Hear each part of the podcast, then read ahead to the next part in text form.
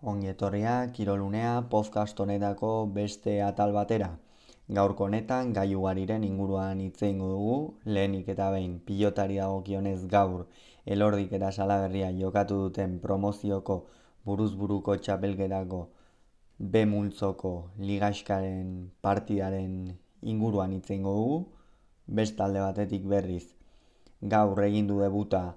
Aron Arbizuetz etxarri aranazko atzelariak eta ezkurdi Arbizu Viktor Zabaleta partiaren inguruko analisia ere ingo dugu. Eta bestalde batetik berriz bihar buruz buruko promozio txapelketako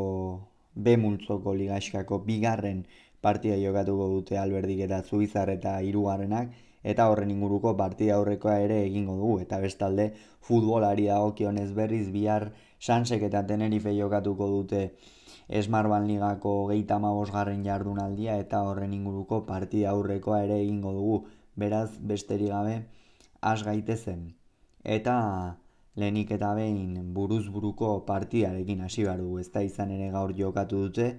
elordik eta salaberriak, salaberria eta elordi izan dira aurrez aurre, gora bera handiko partidan esan dezakegu izan ere mila gauza gertatu dira partida osoan zehar, azkenerako garaipena goizuetararen izan da hogeita bi eta amazazpi, ongi irabazi goizuetara kaitor elordiri, naiz eta maia biarra favorito zen, ongi irabazi dio zalantza izpiri gabe. Eta partida zeran hankapean ibili du, lehenengo zatian behinik behin, lehenengo erdian, hankapean ibili du elordik, e, barkatu, salaberriak, elordi hor atzean e, nagusitu egin zaio atzeko kuadroetara bidali zelordi eta aurrean berriz maixuki jardunda eta ez ergaltzeko hori gabe atera salaberria eta hori nabaritu zaio presioa eramaterako garaian ez da. Hori lehen zatian iaia elordi aurreratu egin zaiola. Izan ere abantaia oso polita zuen salaberriak amaika eta iruko emaitzarekin, baina elordi amar eta amaika ere gerturatu zaio. Zazpi tantu segidan egin ditu. Eta horren eragina alde batetik elordik sakea hartu izanak izan du eta bestalde batetik berriz salaberria pur bat hor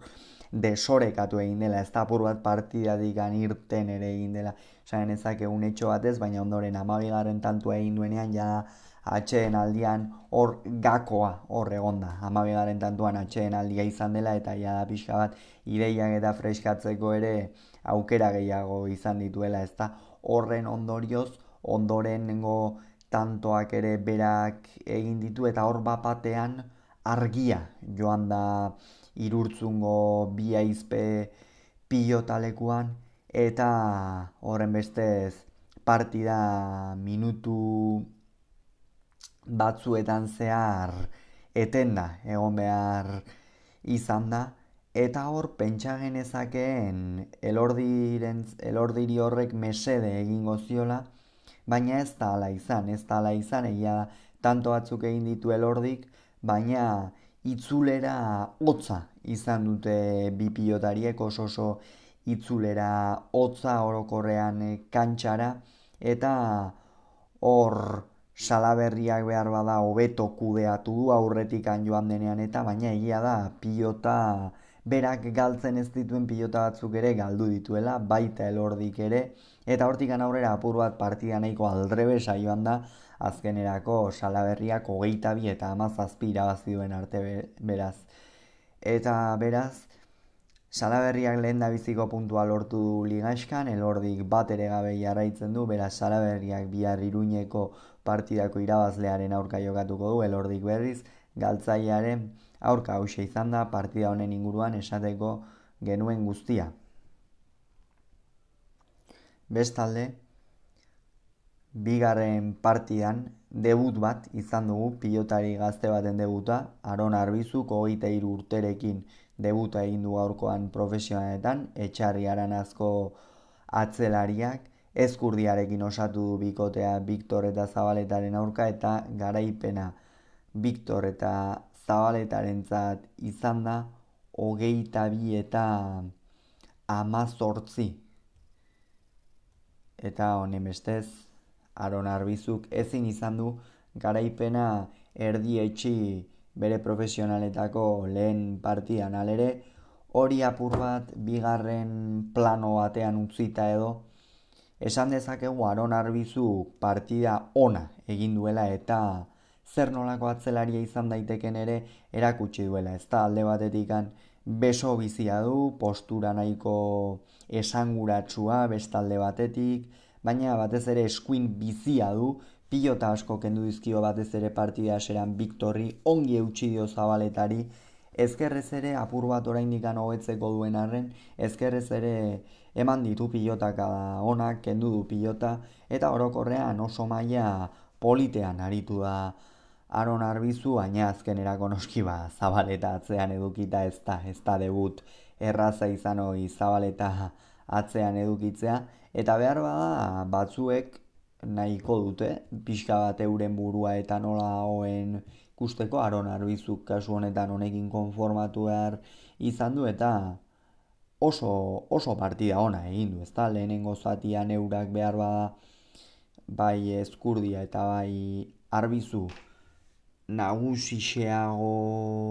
izan dira, baina ja bigarren zatian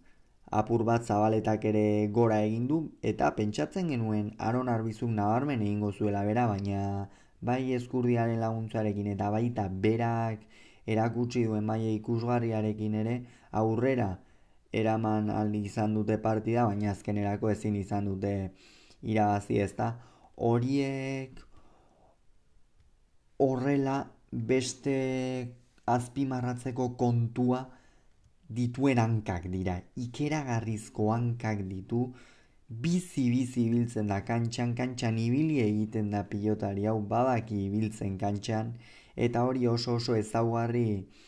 garrantzitsua da zalantza izpirikan gabe ez da, baino hortxe, ba, oso oso partida ona egin duankekin ere eta hori oso ezaguarri garantzitsua ez ere pilotaetara jartzerako garaian ez da? Gaur hori egin dio gutxi gora bera zabaletari, zabaleta pilota urrun jartzen zuen noski, baina bera ongi jartzen zen eta honen bestez, ba, pilotak ongi eramaten zituen, eta bestalde boleaz ere errekurtso handiak ditu eskuin boleaz, eta horrek ere asko lagunduko dio. Orokorrean, atzelari interesgarri baten aurrean egon gaitezke, eta ikusiko dugu nola garatzen den bere profesionaletako ibilbide hau, zorterik onena opadio unoski hemendikan aron arbizuri, eta ea, ea nola joaten zaion. Eta orain pilotaren azken gai moduan, bihar iruñeko labriten promozioko buruzburuko txapelketako bigarren partia jokatuko dute alde batetik Jon Alberdi eta bestalde batetik berriz Zubizar eta Iruarenak esan dezagun biek alabiek ez dutela elkarren aurka inoiz buruz buru jokatu, baina bai ordea hemen bat iruditzen zait abantaia pixka batekin iritsiko dela, eta hori Jon Alberdi da, ezta? Alde batetik abantaia, bestetik desabantaia ere izan daiteke. Abantaia bakaikoari irabaztetik dator partida epiko batetikan, eta horrek moralez eta horrek moralez lagundi ezaiok ez da, bestalde bat noski apur bat e, fizikoki agortuta iritsiko dela hori ere pentsatzekoa da, baina ikusiko dugu, ikusiko dugu alberdik. Bakaikoaren aurkako partida etzen telebistan emana izan, arteagaren aurkakoa bai, eta arteagaren aurka ikusi, ikusi genuen buruz buru, ba beno, gora egin duela, ez da, aurreko urtean okerrezpanaiz kaleratua izan zen, lehenengo, lehenengo errondan, e, uste dut egigurenek ezotezuen kaleratu herritarrak, eta urten berriz ba, beste ilusio batekin hartuko du noski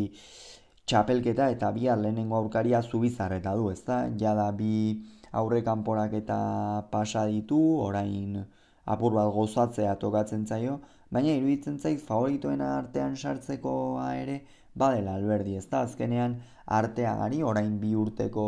txapeldunari, eta bakaikoari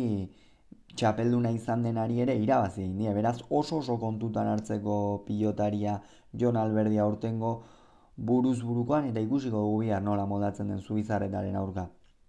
Bestalde berriz iraitz Zubizarretak azken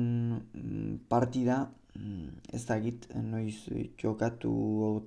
zuen orain ez daukat buruan, baina buruz buru, bueno, defensa honeko pilotaria da, iraitz zubizarreta, eta aurrean min handia egin dezakena, ez da, lotxagabea, oso erasokorra, eta horreiek min egin dezaioke Jon Alberdi, ez da, biak orokorrean defensa honeko pilotariak dira, aurrean ere erraz bukatzen dutenak, erabaki horrak, eta ez dakigu nun egon daitekeen eh, partidaren gakoa, baina behar bada alberdik pausa apur bat sartuko dio partidari zubizar eta elektrikoagoa da gian aurreko kuadro horietan eta alberdi pixka bat ere jakin beharko du jokatzen eta zubizarretari apur bat hori eteten bestela zubizarretak arazo handietan sar dezake bihar. Alberdi, ezta beraz hori bihar izango da iruñeko labriten eta ikusiko duea zer gertatzen den. Eta azkenik, futbolarekin amaitu behar dugu izan ere bihar sansek Beno, astero ari gara esaten ez da, iala biziko partida jokatuko du, baina bihar oso oso partida polita dauka horretik ez da, polita esango dugu, ez zaila, ez irabazi daitekena, baizik eta polita. Izan ere bosgarren sailkatua Tenerife hartuko du etxean, espero du giro ona egotea, giroak ere laguntzea, eta hori xe,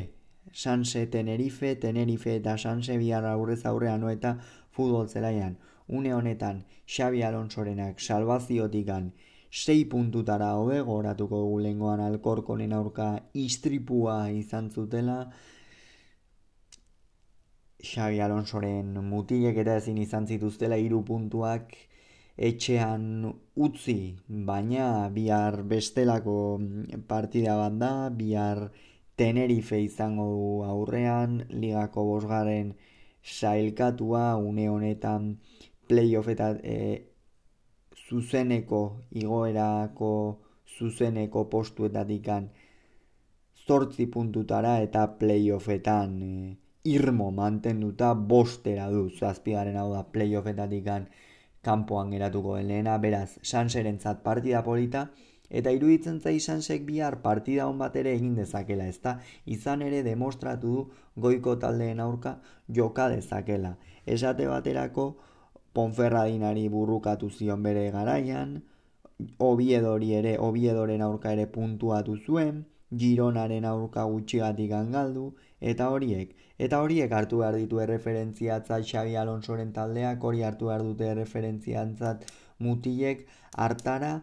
motivazio gehiagorekin ateratzeko eta esateko guk teneriferen aurka ere aldiagu jokatu ezta, eta hori oso oso garrantzitsua da,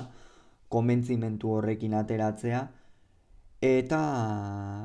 bueno, noski, behar bada baloiaren jabetza sansek izango du, Tenerife izan ere ez da hor e, baloiaren jabetza izateko talde horietako bat. Baina Sansek e, askoz gehiago du, naiz eta Tenerife ba, bueno, e, partida askotan lortzen duen. Baina Sansek hor baloiarekin eta baloiarekin erabaki hor jokatu behar du. Eta beldurrikan gabe, beldurrikan gabe jo erasora izan ere ez dute zer galtzeko asko irabazteko ja da orain, bueno, esperantza baduten oski salbatzeko, baina errealitatea ikusita oso oso zaila da, alere hauek ez dute azkenera arte amore emango ziur eta ikusiko dugu bihar egia esan oso oso partidu polita eta erakargarria izango da noetan Sanche eta Teneriferen artean. Eta hause gaur esan beharreko guztiak, urrengoan gehiago izango zuek irolunea podcast honetan, bitartean ongi izan agur.